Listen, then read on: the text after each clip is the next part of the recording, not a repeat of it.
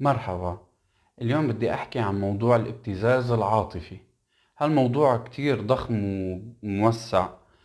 مشان هيك أنا اليوم راح أعطي فكرة سريعة بس حتى ننتبه مع الأيام ما نكون ضحية للابتزاز العاطفي أو ما نكون نحن المبتزين للأشخاص اللي بيحبونا وبيوثقوا فينا.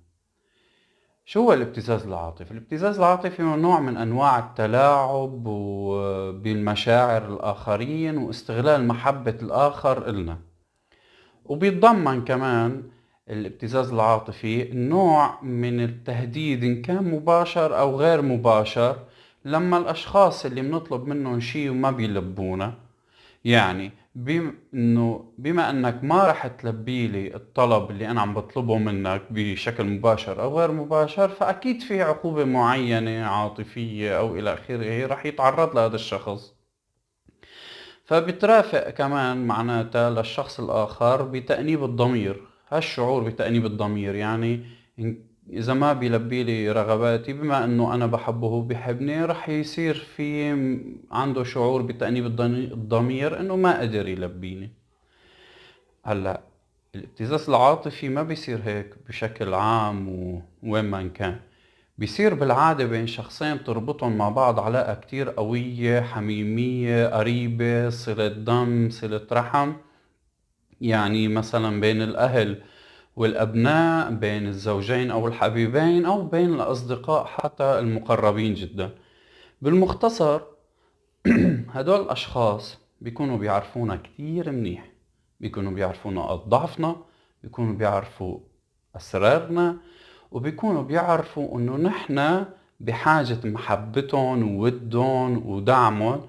فعمليا الشخص اللي بيتعرض للابتزاز العاطفي بيصير شبه رهينة.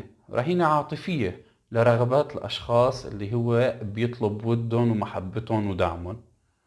هلا قسمت الموضوع لثلاث محاور يلي هن الابتزاز العاطفي بين الأهل والأبناء الابتزاز العاطفي بين الزوجين أو الحبيبين والابتزاز العاطفي بين الأصدقاء المقربين. رح بلش بأول محور يلي هو الابتزاز العاطفي بين الأهل والأبناء. ببلش هذا الموضوع يعني بفترة صغيرة بأعمار أطفالنا أول ما ببلش يفهموا علينا ومنحاول نربيهم. فمثلا بتشوفوا الأم بتبلش بتقله لابنها آه، الصغير آه، يلا خليك عاقل مشان أحبك اعمل هيك مشان ما أزعل منك. آه، مثلا يلا أعطيه بوسة لخالي أعطيه بوسة لخالي بزعل منك إذا ما بتعطيه بوسة لخالي. رح يعطيها لأنه هو بحاجة إنه أمه ما تزعل منه يعني. فبيلبي لها هاي الرغبة. أو بتصير مثلا بس يكبروا الأولاد شوي بتصير تهدده لما مثلا ما بيدرس منيح ما بيقعد عاقل بتقول له إذا ما بتدرس منيح رح أزعل منك أو رح أشكيك لبيك. بالنتيجة بخاف الولد لأنه إذا زعلت منه بيتأثر هو. وإذا راحت شكته كمان لبيه بيه ممكن يزعل منه بيه ممكن يعصب ممكن حتى يضربه يمنع عنه المصروف كل هاي العقوبات اللي اللي ممكن تأثر آه، على علاقته مع الشخص اللي بيحبه. يعني بالمختصر من الصغر في نوع من الترهيب على الحلو إرهاب. ومن هون بتبلش الصراعات داخل نفسيته لهالولد بين رغباته ورغبات الناس اللي بيحبهم واللي هو بأمس الحاجة لمحبتهم ودعمهم. وبتستمر هالمعاناة حتى لما الأولاد بيكبروا وبيصيروا شباب وهون تتغير طريقة الابتزاز العاطفي. من بزعل منك آه، ما بقى بحبك لأنه الأهل بيصيروا ياخذوا دور الضحية. يعني شاب أو صبية إجاهم عرض عمل بالخارج وأهلهم ما إنهم حابين إنه يسافروا. أو إنه إجا عريس أو هو للبنت ما كتير الأهل مقتنعين فيه. أو الشاب شاف بنت حبها وحابب يرتبط فيها وما كتير مقتنعين فيها. بتصير بقى الابتزاز من ناحية دور الضحية. إذا بتسافر بدك تمرضني انت بدك تقتلني بدك تجلطني. فبتصير تضغط الأم أو الأهل بيضغطوا على الولد بهالطريقة. وإذا بتاخد هاي فلانة أنت بدك تروحني يعني. وبشو بصير هذا الشخص حاسس حاسس بالذنب إذا ما بينفذ رغبات الأهل؟ لأنه هو حيكون سبب حزن ومرض ويمكن أذى. الأشخاص اللي بيحبهم يلي هن أهله. يعني لعبة تأنيب على الضمير. وهي اللعبة إن كان للأطفال ولا إن كان للشباب ولا إن كان حتى للكبار بالأعمار هي لعبة مدمرة للنفسية. ويمكن بالنسبة للأولاد يعني تروح عليهم فرص مستقبلية جيدة إن كان سفر أو ارتباط. بالنتيجة يعني نحن عم ندمر له رغبة من رغباته. النصيحة ضرورية بس من دون ما يكون في ضغط وتحميل على الضمير وتحميله مسؤولية انهيار الأهل. هلا هون بصراحة في موضوع تاني بيخطر لي آه، بهاي الفكرة. يمكن ما كتير بيدخل بخانة الابتزاز العاطفي ولكن كتير خطير وبيصير آه، بكتير من الأحيان مش عن سوء نية يعني. مرات لما أولادنا بيرتكبوا غلط معين أو بيصير معهم شي ما مزبوط ومن ومن دون قصد الأذى نحن ومن مبدأ يمكن فش الخلق وإنه عم نحكي بنروح بنحكي لأهالينا عن هالخطأ عن هالموضوع.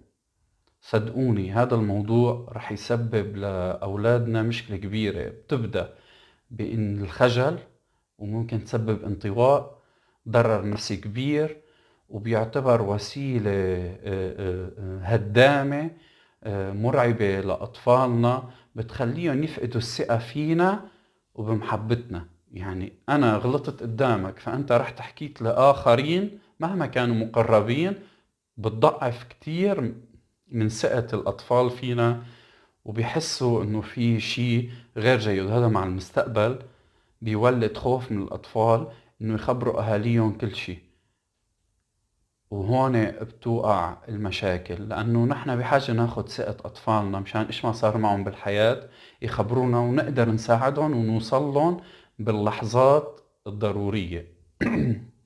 هلأ أما من ناحية استغلال الأطفال لأهاليهم وابتزازهم العاطفي. فكمان ما رح اتوسع رح أحكي عن فكرة يمكن بتشمل كل التصرفات للأطفال واستغلالهم لأهلهم. لما بنقول مثل ما بنقول آه، الولد بيكون مدلل أو بيقولوا مغنج كتير بنصير يقبرني نقطة ضعفنا.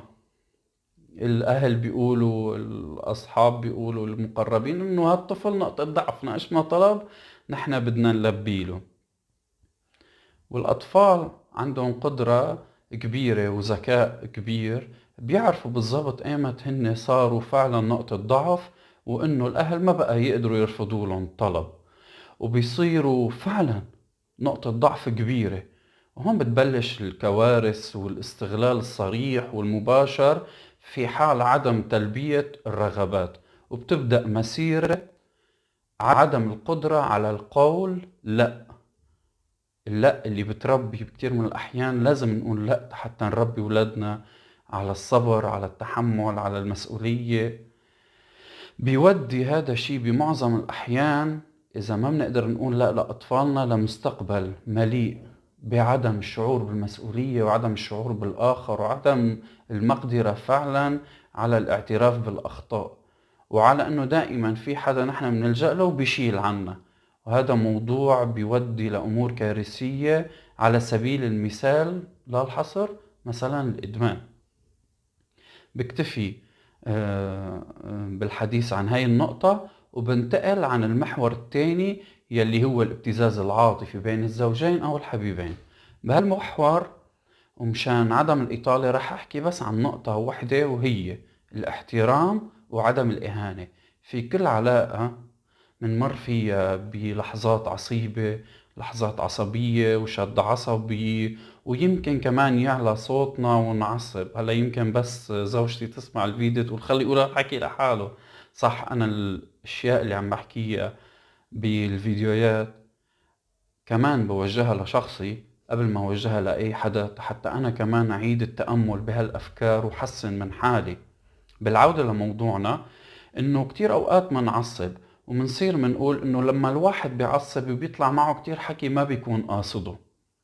ويمكن بكتير أوقات لما منعصب بيتضمن الكلام منقوله اهانات يمكن بس يهدى الشريك وبس نهدى وتبطل فيه هالمشكلة إنه يسامحنا على الإهانات اللي قلناها. بس كتير كتير كتير صعب إنه ينسى على المدى الطويل. فنصيحة مهما عصبنا ضروري جدا جدا إنه ننتبه إنه ما يتضمن كلامنا والردود اللي عم نقولها على آه، إهانات. لأنه أي مشكلة ما بتتضمن إهانات مع الوقت يمكن آه، ترميمها وبيكون آه، وبيكون خط الرجعة كتير كتير أسهل. فغضبنا فينا نعبر عن غضبنا صح ولكن من دون إهانات. ننتبه من دون ما نهين الآخر ممكن نحتد بس نضلنا ضابطين حالنا إنه ما نهين اللي قدامنا. لازم يضل هذا الموضوع موجود براسنا على طول حتى لو نحن معصبين. إذا تمرنا عليه بنوصل لمحل نبطل نهين الآخر وهيك بنقدر نحل المشاكل بطريقة أسهل. مثل ما قلت عن جد خط الرجعه بيكون كتير أسهل. بيعود الشريك بيستوعبنا وبيسامحنا على كل الغضب اللي قلناه بطريقة آه، أكثر سهلة. بنتقل بعد ما حكيت بمختصر عن هالمحور للمحور الثالث والأخير لليوم وهو الابتزاز العاطفي بين الأصدقاء المقربين. بحياتنا بنمرق بفترات ويمكن بتستمر إنه بيكون عنا أصدقاء تربطنا فيهم علاقة كتير قوية كتير مميزة وكتير جميلة. مرات بتزيد بقوتها عن عن علاقتنا حتى بإخوتنا أو بأهلنا. لأنه الصداقة بتعطي طاقة إيجابية ودعم قوي لشخصيتنا وبكتير من الأوقات بتكون هي المنفذ الوحيد إلنا لتنفيس الضغوطات اليومية اللي عم نعيشها. ولكن حذاري من استغلال محبة أصدقائنا لدرجة إنه نحن منكبلهم بمحبتنا ومنغالي بطريقة تعاملنا معهم من مبدأ مش مشكلة ما بيزعل. أو بيزعل له يومين وبيرضى. يمكن بيزعل له يومين وبيرضى بس نحن بنكون عم نعرض فعلا هاي الصداقة للانهيار لما ما بقى بيستحمل صديقنا تصرفاتنا وبيصير في استحالة لترميم هالعلاقة.